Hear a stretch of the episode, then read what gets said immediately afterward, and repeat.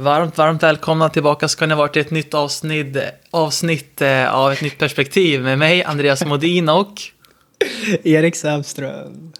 eh, lite nervigt så här, men det är för att vi har en jingel som ligger i bakgrunden här och ska spelas upp. Vi har hittat en jingel. Ja, Så. där har du gjort ett hästjobb.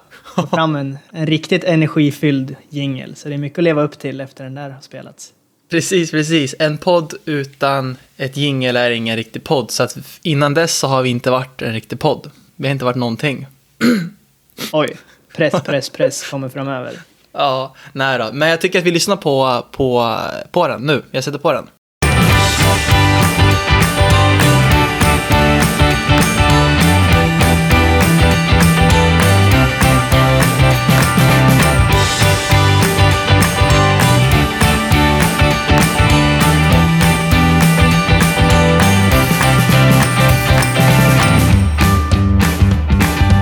Så där, vad, eh, vad tror vi om den? Wow, energi. Ja, det Det är det enda jag säger. ett ord, energi. Ett ord, och det är energi. Nej, men det blir bra. Det är kul. Du, du sa något... Eh, du sa något bra där, att det är bara att testa och så ser vi hur, vi, hur, hur det känns efter ett, två, tre avsnitt. Och så kanske det blir den eller vi byter eller inte. Alltså, Ja, exakt.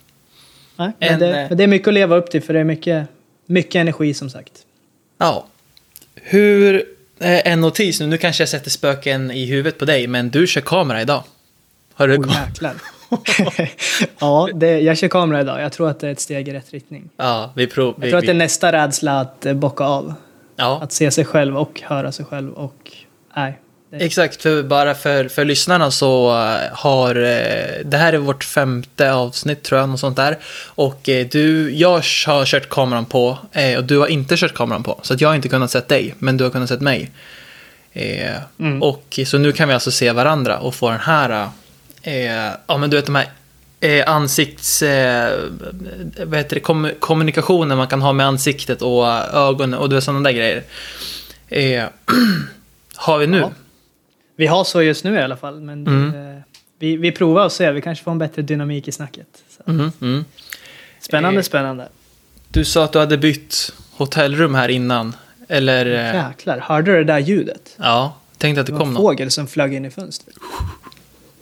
det, det är material. Jäklar. Ja, då är man... Ja, då är, nej, men precis. Eh, jag har bytt boende så att eh, det är väl en stor sak sen sist.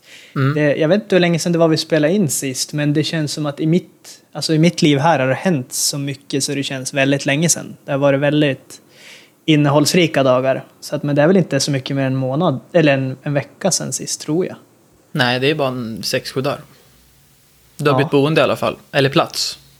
Ja, jag har bytt, eh, bytt boende. Det är väl ungefär tre kilometer ifrån där jag bodde sist. Så att det, Mm. Nu bor, jag, nu bor jag uppe på en bergstopp tänkte jag säga. Det är nästan så. Jag bor lite högre upp och har ruggigt fin utsikt här från fönstret. Så att det, den, den ska jag visa upp någonting framöver. På, man får följa dig på Instagram. Ja, det, jag antar att det blir, blir där den åker ut. Erik. Nej, men Ja. här trivs man bra.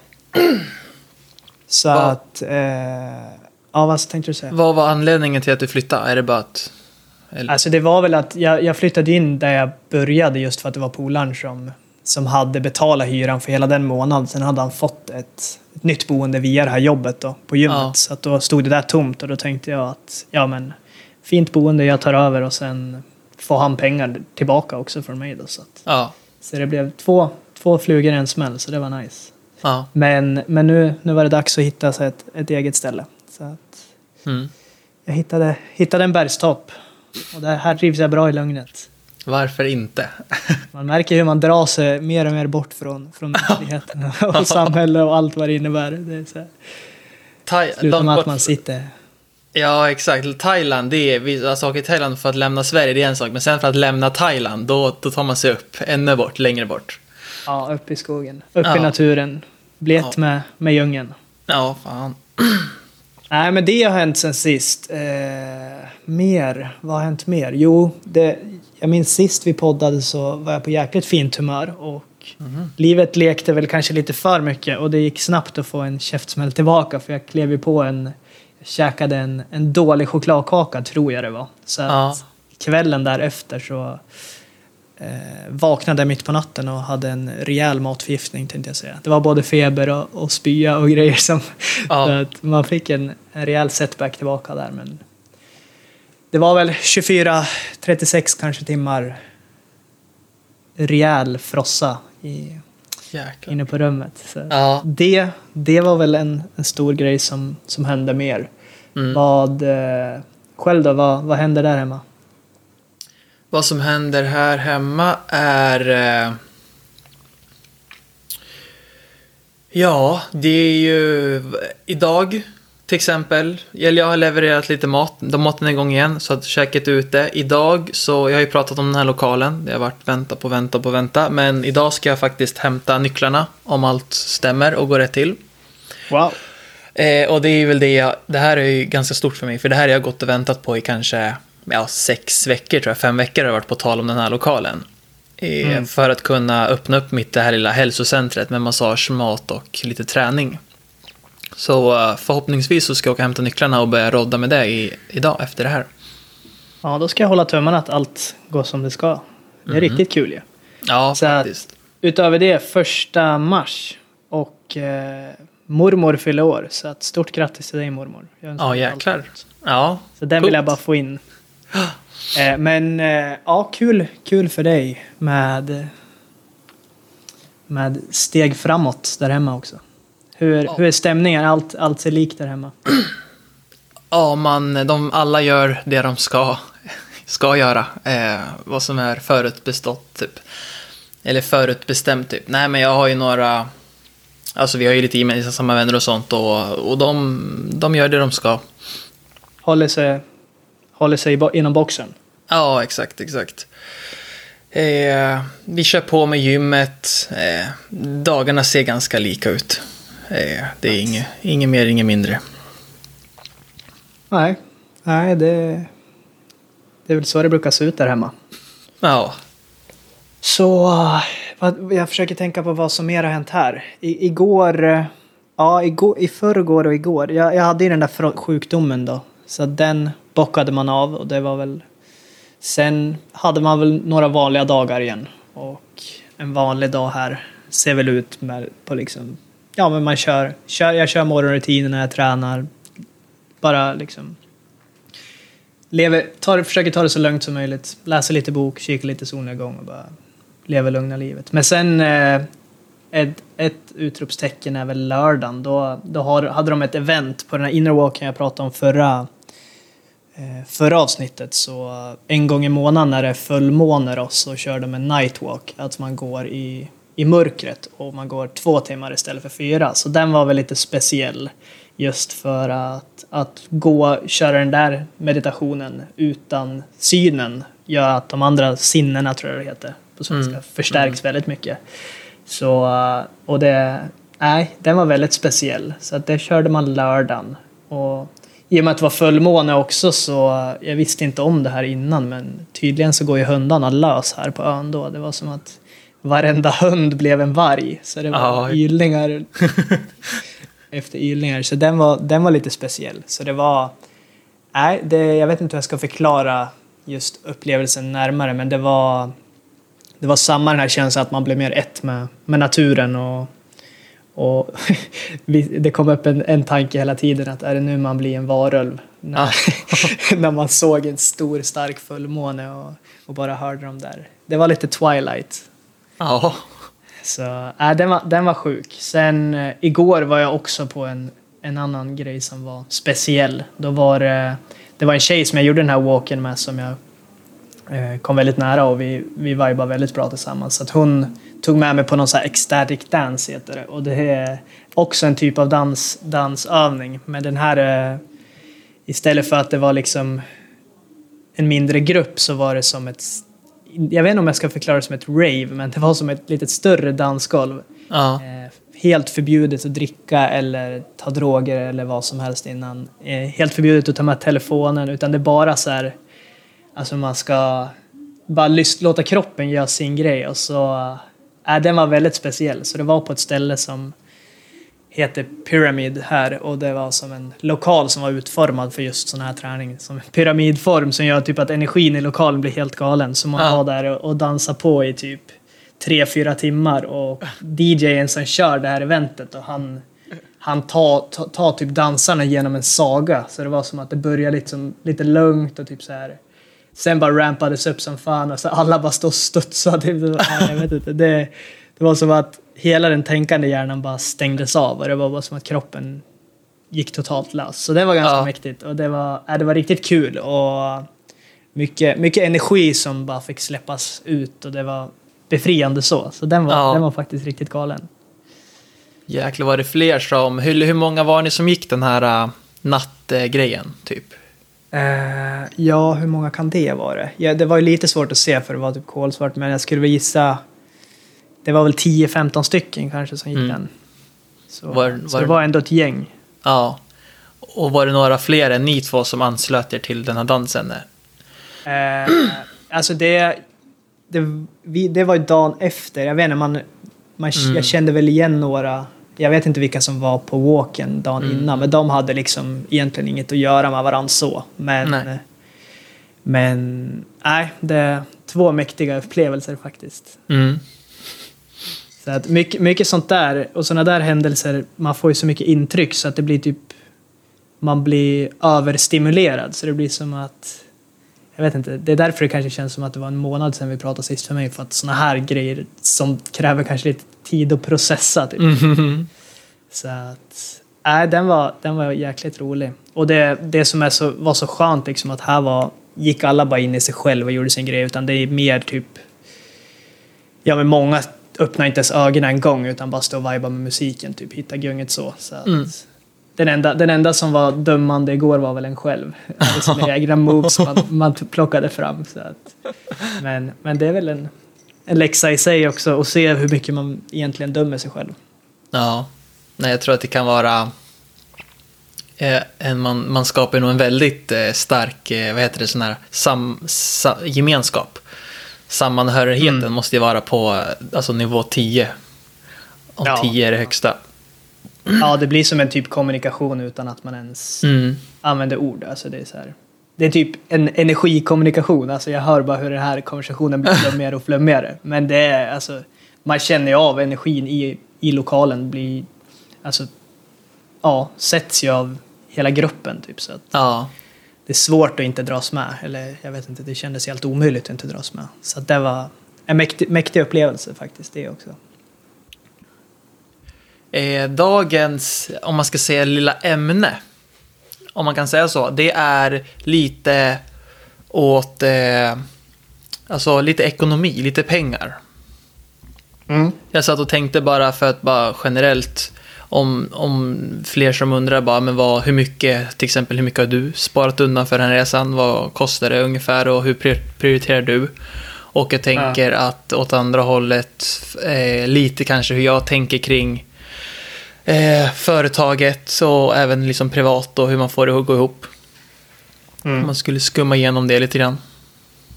Ja, alltså pengar är väl en väldigt central fråga i de allra flestas liv. Speciellt hemma så är det ju typ vad alla drömmer om och vad alla strävar efter och vad alla lever för typ. Så att eh, det finns mycket nysta i där och jag vet ju hur min relation till pengar har, har ändrats otroligt många gånger. För det är väl, ja, man har, man har provat sig runt och i och med att jag själv jobbade på bank också så har man ju sett hela den biten och sen Nej, den, den ändras mycket. Så att jag vet inte, du kan ju börja, börja dra din relation till pengar och hur du ser på det. För det Jag har ju också, det trodde inte jag att jag skulle göra, men jag har också ändrat min, eh, liksom, eh, bara hur man ser eller vad syftet, värdet, vad pengar är för någonting väldigt mycket bara på, här på slu, senare, alltså på slutet av eh, i, i det senaste året typ. Eh, från när jag var bara tre fyra år sedan kontra nu så är det väldigt stor skillnad hur jag ser på det. Och, eh, men, och det är väl kanske just nu så ser man väl pengar mer som verkligen ett, eh, ett verktyg. Eh, och inte någonting som är liksom jag vet inte, det här att det är coolt. Det var det som var, förut tyckte jag pengar var, det var asnice med mycket pengar och det är det väl fortfarande, men det är väl för trygghetens skull. Men jag skulle säga att det hände någonting nu när jag startade igång företaget och framförallt matdelen. Att eh, pengar, alltså det är typ som att det bara switchade om. Det bara slog om att pengar är verkligen inte det viktiga utan det som är viktigt när jag säljer dem, för jag säljer ju ändå produkter och tjänster, att det är för att kunna fortsätta, jag måste dra in pengar för att kunna fortsätta leverera väldigt, på en väldigt hög nivå.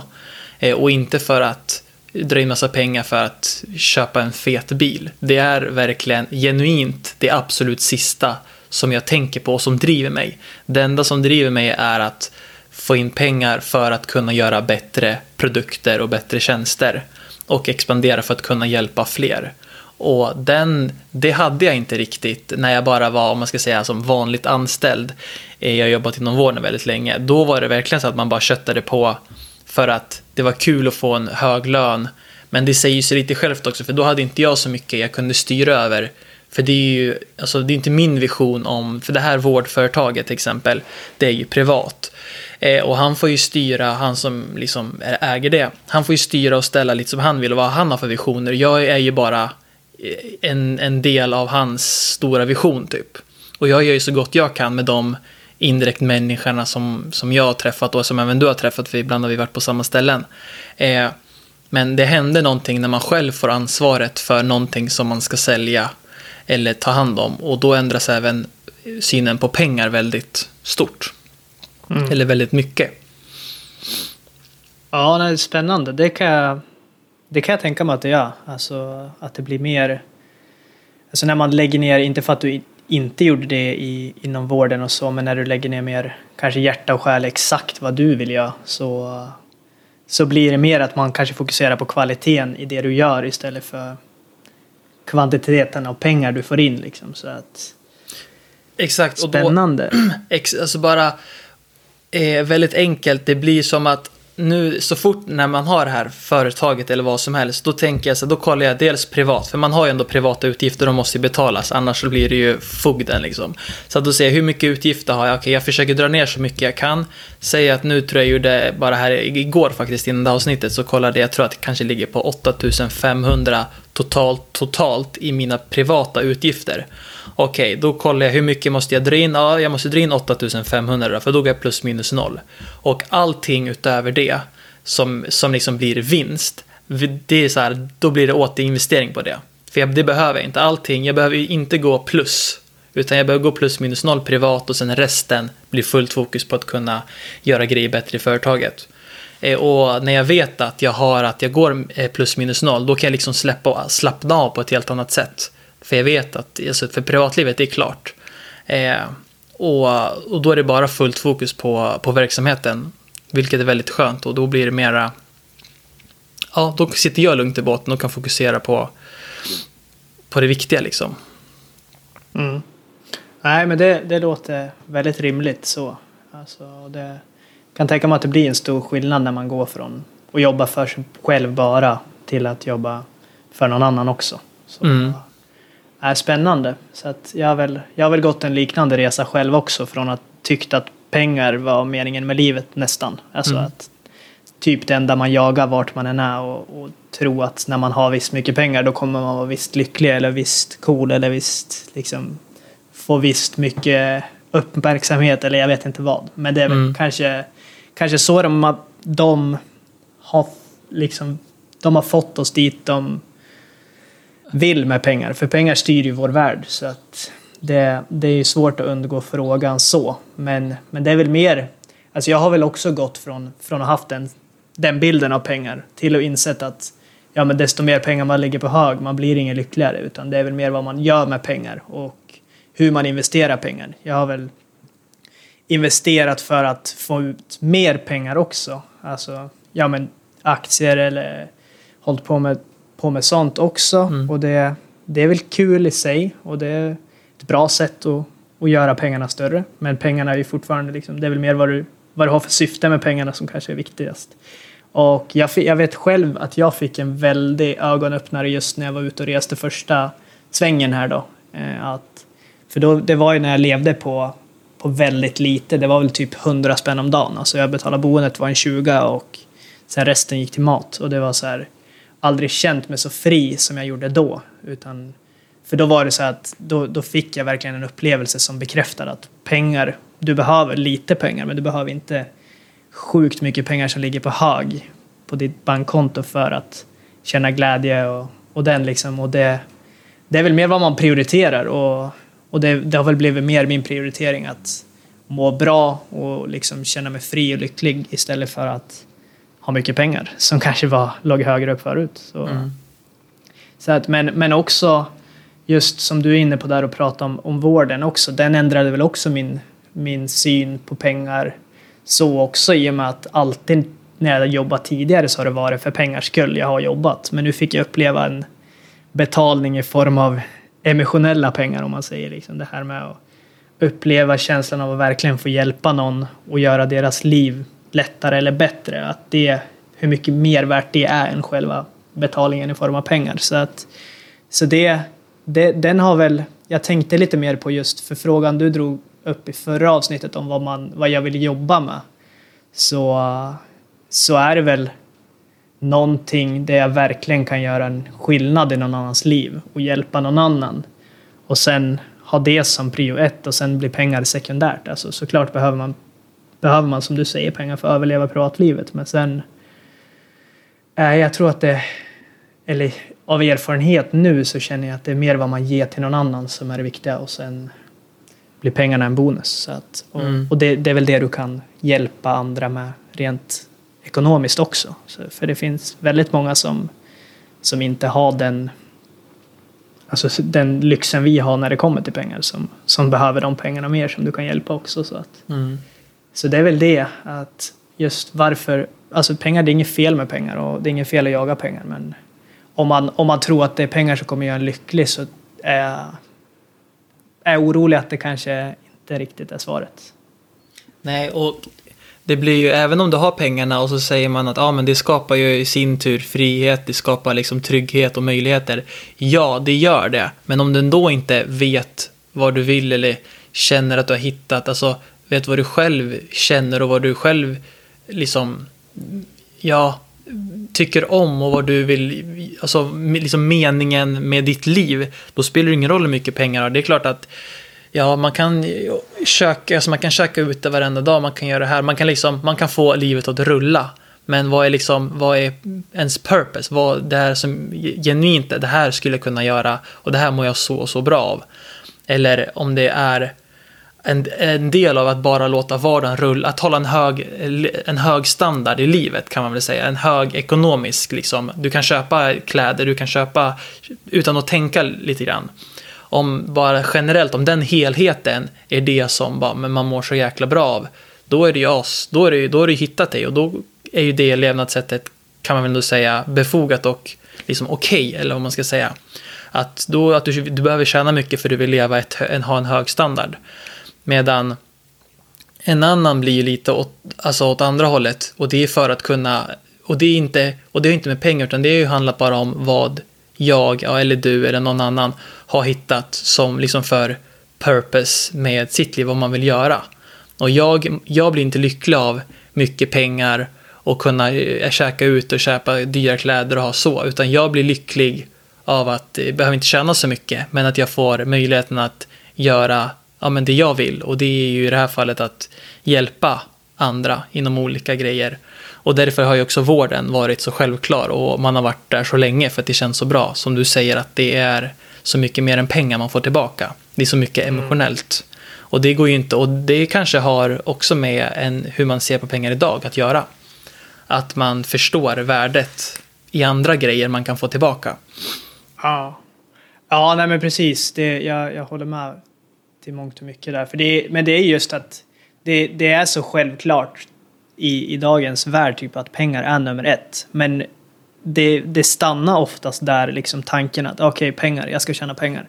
Men om man inte har en plan för vad man ska göra för pengarna så, så kommer det en dag när man står där och har mycket pengar och då kommer det som en rejäl käftsmäll att okej, okay, vad, vad nu? Så, att, så att det kan även medföra en stor stress tror jag att, att inte ha, har funderat ut det. Liksom. Att såklart ger det frihet men när du väl kommer upp dit och, och har pengar så vet du inte vad du ska göra med dem så är det, går du på en svajig lina liksom så.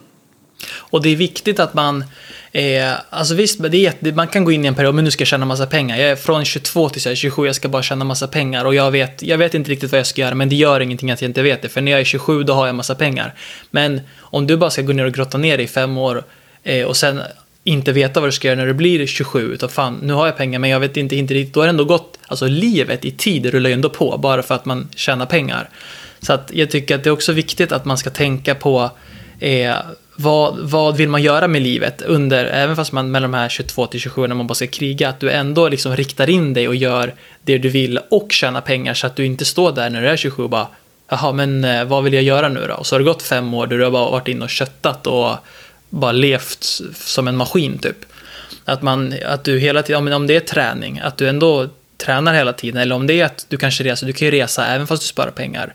Eller är du intresserad av det här, eller vill du plugga? Att man ändå tar små steg i den riktningen så att när du väl når ditt mål, eller vad man ska säga, då har du både eh, ekonomiska förutsättningar för det, men även så att du är där rent emotionellt och det är där du vill vara eh, i livet. Mm. Annars kan det Ja. bli att man eh, liksom snöar in sig eller fastnar bara på och glömmer bort vad man egentligen vill göra. För att om du inte vet vad du vill göra, då spelar ju pengarna ingen roll. Ja, nej. Exakt så är det. Och det, det där, just det du säger nu, blev, känns som en bra segway in på en, en fråga som faktiskt eh, dök upp via Instagram eh, i veckan efter senaste avsnittet som jag tänkte att att jag skulle svara på här nu också just med pengar. Att, här, för, för att den frågan var, nu kan jag, inte, kan jag inte den exakt i huvudet, men hur jag när jag satt på banken visste att det här inte var rätt för mig och var min grej. Och och liksom vad som gjorde att jag bröt mig loss från, från Sverige och tappade, tappade den kopplingen tänkte jag säga, men, Mm. men bara drog ifrån. Så eh, jag tänker, den frågan tycker jag hör ihop bra med det du säger. Så att, eh, Eh, och den fick mig faktiskt också fundera på det här att eh, för, för ganska lång tid, jag, jag var väl anställd i ungefär tre år, så så tänkte jag inte så mycket på själva arbetsuppgiften utan det var allt runt omkring med jobbet, liksom kollegor och så. Som, och att man hade ett bra liv på utsidan. Som alltså blev som distraktioner från att verkligen tänka på vad, vad man gör de här åtta timmarna om dagen. Men, men det jag vet nu, jag satt och tänkte på det, att jag alltid tänkte att ja, men när jag kommer dit, kanske den lönen eller den tjänsten, då kommer det vara bra. Så att det var alltid den här komma sen. Och det är väl det som liksom, det är väl lite det att man kan fastna i hjulet att sen ska jag må bra. När jag har så här mycket pengar ska jag må bra. När jag har den här tjänsten ska jag må bra. Eh, och sen, ja jag vet inte, det, det var väl det som att, att de här distraktionerna, allt det bra på sidan av för mig ramlade bort, gjorde att jag insåg att vad, vad jag gör åtta timmar om dagen är inte tillfredsställande alls. Och eh, jag kan tänka mig att eh, Alltså, eller jag vet från erfarenhet också att när man är inne i det där hjulet så är det svårt att, att ge sig själv utrymme och ens fundera på vad man ska göra. För det är så liksom... Och med alla som, som utifrån säger att ja, men det är så bra och då får man nästan dåligt samvete och, och känna att ja, men det är inte, jag trivs inte så bra här men alla tycker att det ser bra ut utifrån.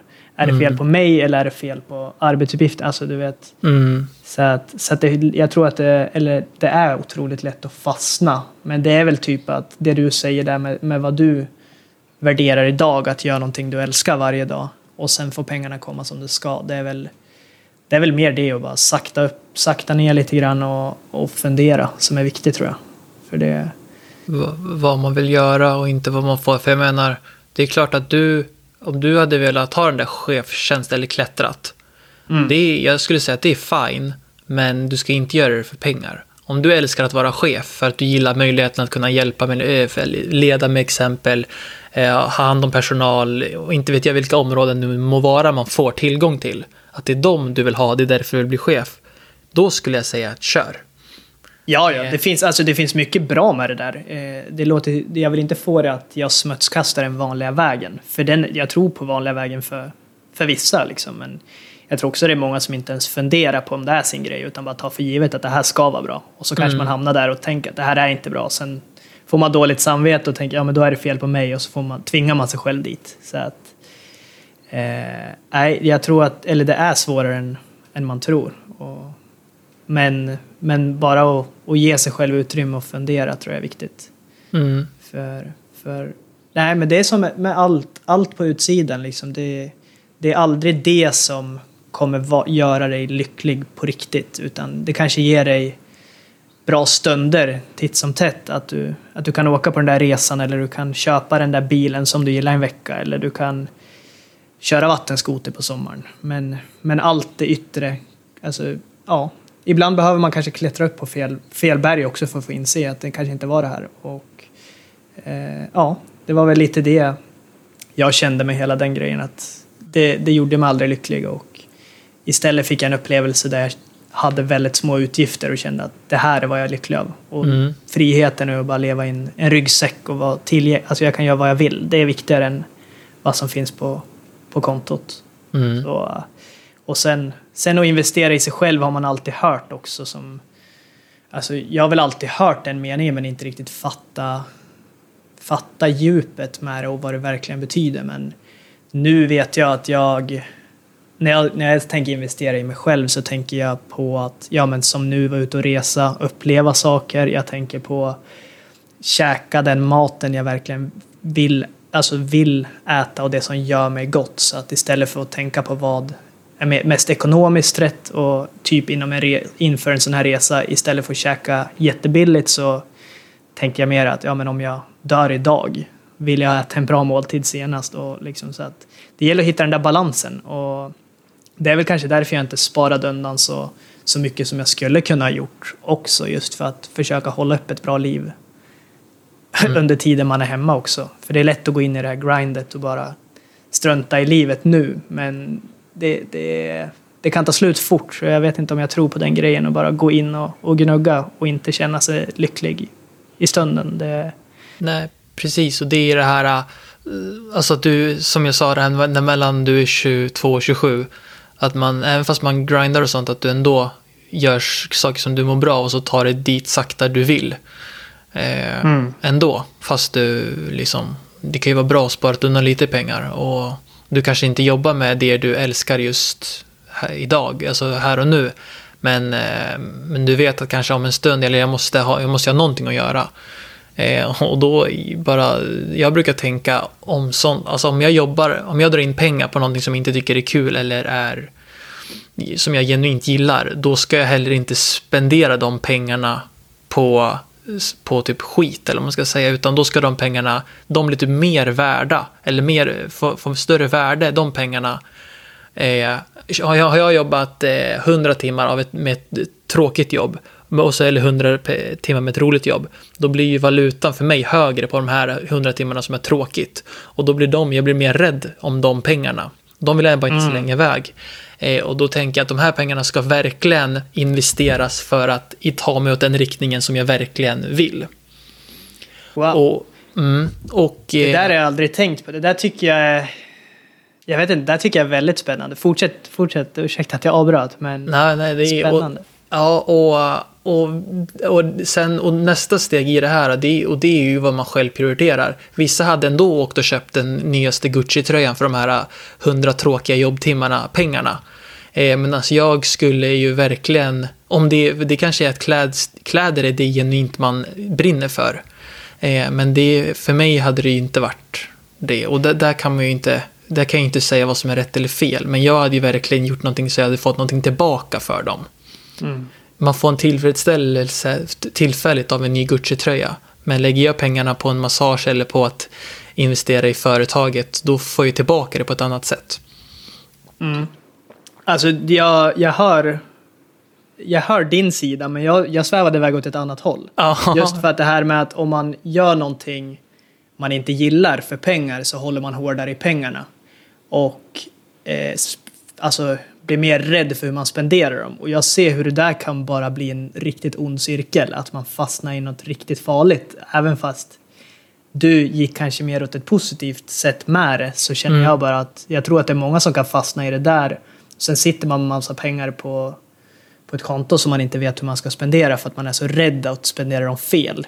Och är man rädd att spendera dem fel så blir man i princip rädd för att leva livet. Och Mm. vad vore livet utan risker? Alltså tar du inte de här riskerna och provar eller liksom För du kommer aldrig vara redo för någonting. Och det, det känner, jag med, känner jag att jag har fått upplevt så mycket nu på slutet. Jag kommer aldrig vara redo för att släppa en podd. Jag kommer aldrig vara redo för att gå på en dans. Jag kommer aldrig vara redo för det här. Mm. Utan det, det är bara att slängas ut och göra det. Och får man bara en känsla för det.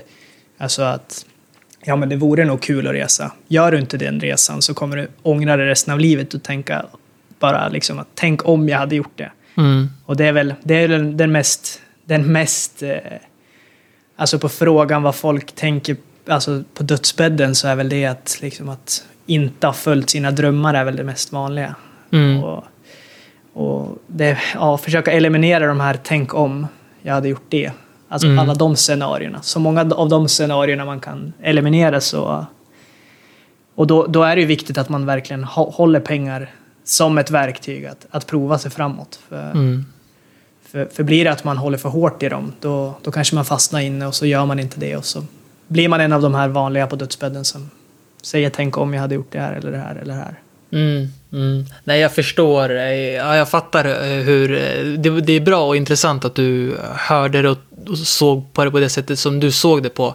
Eh, och jag menar ju eh, inte typ att ja, du ska jobba i 15 år med någonting som du inte tycker om och då ska du aldrig spendera pengar. Utan eh, tanken är ju att jag menar att Eh, du lär ju, alltså, du jobbar med någonting för att så fort som möjligt säga att det, eh, det är temporärt. Du ska göra det här i sex månader, ett år kanske, för att, för att sen ska ha möjligheten att kunna göra det här.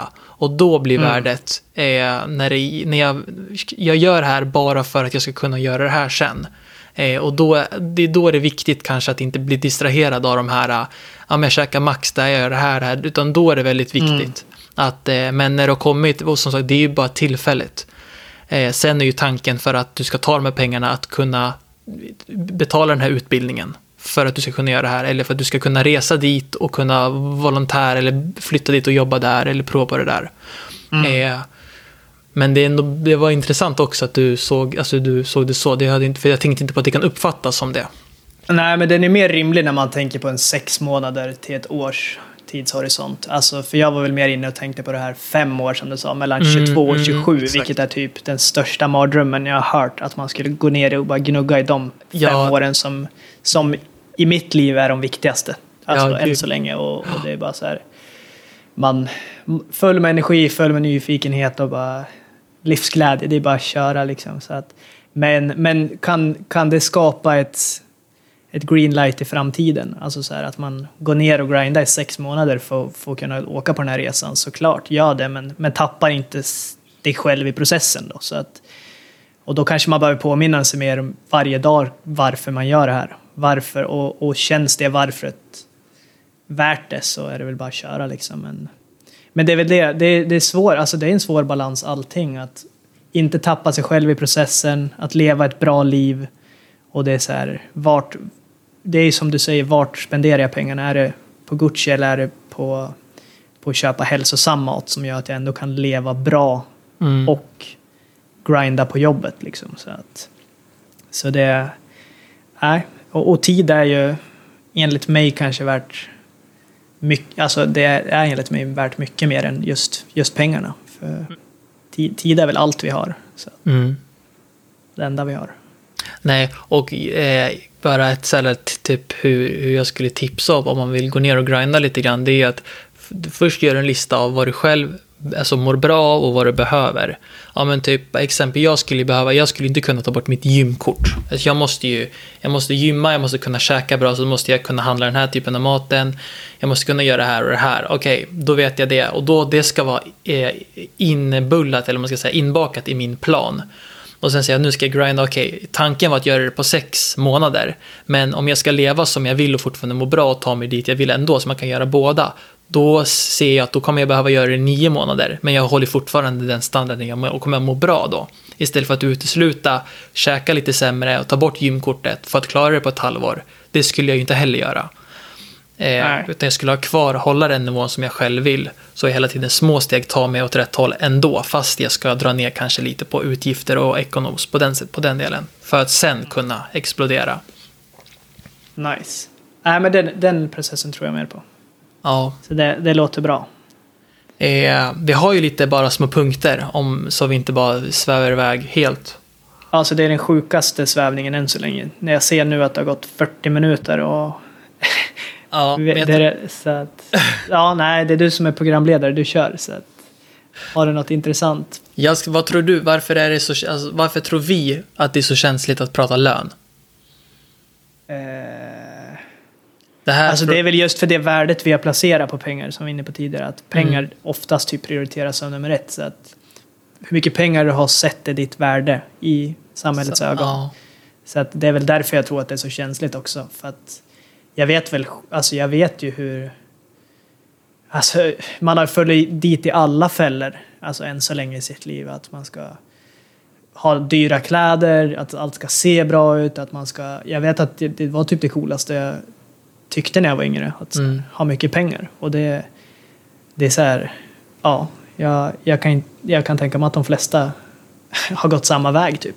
Så att, det är väl just det värdet, i min mening, det värdet vi placerar på pengar i, i samhället som, som gör att det blir känsligt ämne. Nej, men det, det var ett bra svar. Jag kan nog inte säga annat. Det var snabbt och enkelt och eh, det är ju verkligen så här, okej, han, han tjänar 30 000 eh, och han tjänar 24, de gör typ samma sak. Mm, då blir det lite så här, ja, då, någonting, det blir ja, det säger sig självt. Varför tjänar han 6 000 mer? Vad då blir automatiskt han bättre, eller vad, man får en annan syn på, Ja, det där är en sån, ja, det där är en sån klassiker, att man trasslar in sitt eget värde i, i Mm. pengarna. Så att, och det, den är väl supertydlig, ja. dagens värld, att folk gör. Eh, och finansieringen av din resa och hur du tänker med pengar på plats där nere och på sikt. Ja.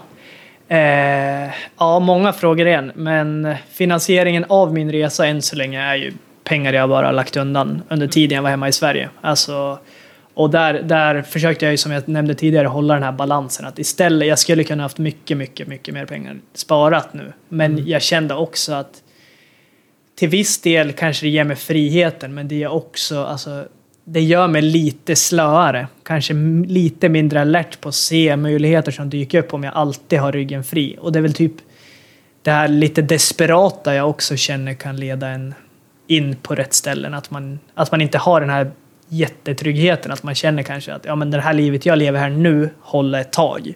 Men om jag vill leva det här på sikt så måste jag hitta ett sätt att försörja mig här nere också. För det, alltså just, just skillnaden på att leva på en budget som finns, alltså att man bara äter av kakan och aldrig får något in till kakan. Mm. Den är så mycket större. För det, det är så mycket större trygghet att ha en, en rullande lön. Även om jag skulle ha en rullande lön, gå plus minus noll varje månad, skulle jag känna mig nästan tryggare med det än bara ha en, ett sparande som man bara gnager på hela tiden. Mm. Så, så det är väl anledningen att jag inte sparade allt för mycket just för att, för att inte bli en, en slö, slöen. Mm. Så att man håller sig lite vass. Men eh, alltså överlag med resande i Asien kan jag väl bara säga att jag vet sen, sen senaste resan att du klarar det. Du kan, kan leva ett riktigt fint liv på tio i månaden här liksom. Och det, Mm. så att, och det, såklart du kan, alltså ja, i Sverige tjänar vi bra så att du kan ju spara undan alltså en bra kosing varje månad där och, och leva här ett längre tag. Men, Mm. Men det är väl det jag ser nu, att hitta ett sätt att kunna försörja mig här nere. Och det, ja, men som svensk, jag tror jag nämnde det i förra avsnittet, så kan man ju alltid plugga också. Att du läser Mm. några ämnen och, och får CSN och, och ta den vägen. Men, men det, ja, det, det blir också typ ett sätt, känner jag nu, att någonting jag kan luta mig tillbaka mot. För, för varje gång jag börjar tänkt så här, ja, men vad, undrar vad jag vill göra här? Så har jag bara tänkt så här, ja men skiter det sig så kan jag alltid plugga. Och det, det får samma effekt som att om jag hade haft jätte, jättemycket pengar undansparat för den här resan. Mm. Så nej, det, jag vet inte. Var, var det något mer i den frågan som jag inte svarade på med det? Nej, det blir ju lite bara så här vad man tänker, men hur tänker, har han, har han liksom en miljon och bara ska ligga på stranden i, i tre år? Eller vad, vad tänker han? eh, men eh, bra solbränd då, i och för sig. Men nej, det är ju att då har ju du tänkt att det ska rulla igång ett eget litet ekonomihjul där nere, är väl tanken. Ja. Ja, alltså nu gnager än så länge gnager jag bara på sparpengar och, och jag vill fortfarande ha kvar sparpengar också. Mm. Så att eh, det är väl någonting, alltså det är ju en trygghet och det är väl det här med hur mycket pengar behöver man då, men att man har ändå en, en hacka som man kan leva ett tag här. Och, Mm. så, att, så att innan jag kör, kör slut på den så vill jag ändå hitta något sätt att kanske få in lite också. Så, Ja. så att, så det, men, och det är väl just bara för att min plan med den här resan är så oklar. Att jag, Mm. nu, nu vill jag bara att livet ska få ta mig dit det vill. Alltså bara, Mm. så, så sist så hade jag väl mer att jag visste när jag skulle hem, så då hade jag redan räknat ut det. Så då Mm. visste jag att den här, den här pengen kommer räcka och då kunde jag slappna av från start. Mm. Nej, men det Ja, nej, men det är väl där vi står. Intressant om det, för jag tänker om det är någon som, som lyssnar som också kanske går och funderar på hur det skulle vara och hur man kan göra. Och då vet man i alla Mm. fall lite hur du tänker, att eh, just den här resan. Yes. Ja, och jag skulle säga att jag tänker väl lite samma sak gällande eh, alltså företaget. För nu jobbar inte jag heller, jag har ingen inkomst från någon fast tjänst så. Utan jag lever också, jag har jobbat på ganska bra. Eh, speciellt i, för 2020, då, så hela våren, sommaren och hösten har jag tryckt på ordentligt. För jag vet att en dag kommer den här komma. Så jag har också sparat undan, så jag lever lite på sparkontot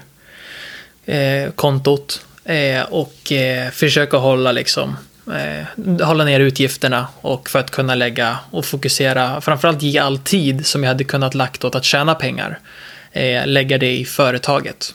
Eh, som i början kanske inte genererar så mycket pengar, jag lägger mycket tid och får lite pengar, eh, men eh, det är väl en del av resan, att förhoppningsvis så ska det ju komma mer och mer sen då. Absolut. Nej, men det är... Vad var det jag tänkte säga? Jag tänkte säga något där nu. Men... Nej, men precis. Det, jag, jag har fått en större förståelse nu när jag hör hur du tänker också kring ditt företagande. Att hur, hur taggad jag blir i mitt eget liv och istället för att byta tid mot pengar, att man byter kanske mer kvalitet mot pengar. Mm. Och hur, hur rolig den vägen känns i mitt eget liv också. Så att, men vad det kommer bli, det vet jag inte. Men jag känner att när jag hör dig förklara hur du ser på det idag så blir det ja, intressant väg att gå. Det ska bli kul att följa din resa där. Mm.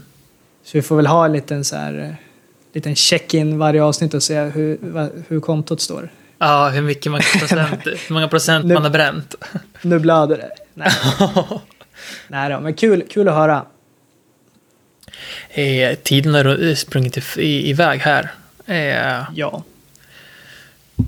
tror inte att det är så mycket och uh, det skulle man kunna ta mm, någon annan gång men jag, jag såg det här på Nyhetsmorgon för fyra, fem veckor sedan och det satte igång mina tankar. Och det var att eh, skulderna till Kronofogden har ökat med mer än 50 procent sedan 2016 Wow. I, i Sverige. Och det får mig att tänk, fick mig att tänka ganska, alltså så här, hur och varför och hur kan man förebygga, hur kan man hjälpa? Mm. Eh, Men bara den, det är ganska sjukt på fem sex år. Ja.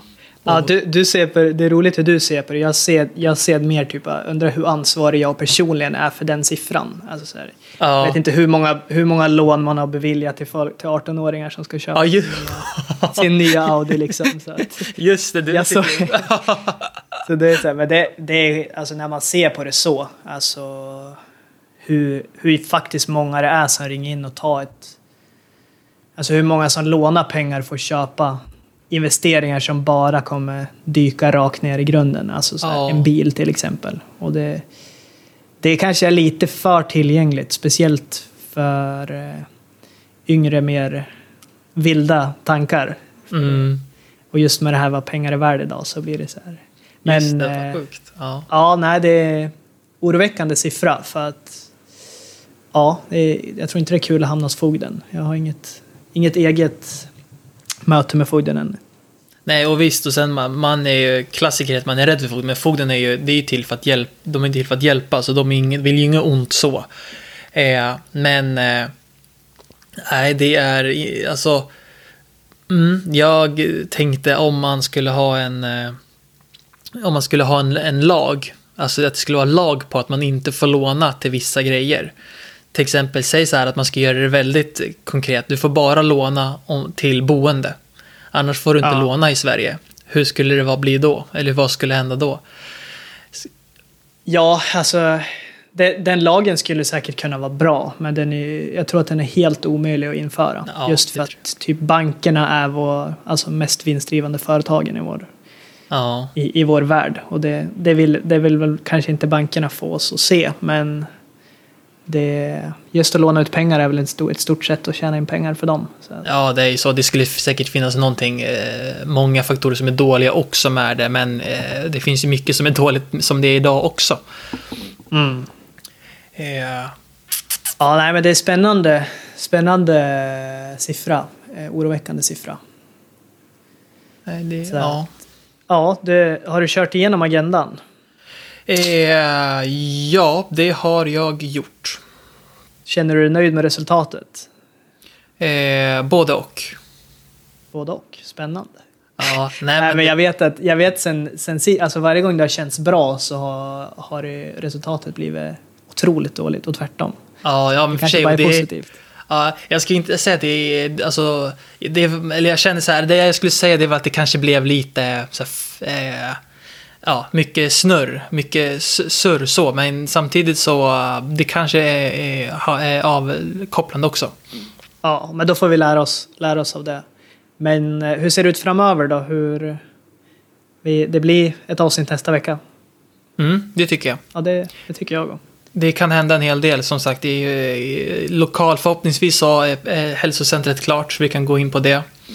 Mm. Eh, ska dit och fixa och trixa och eh, vad har du på agendan kommande dagar?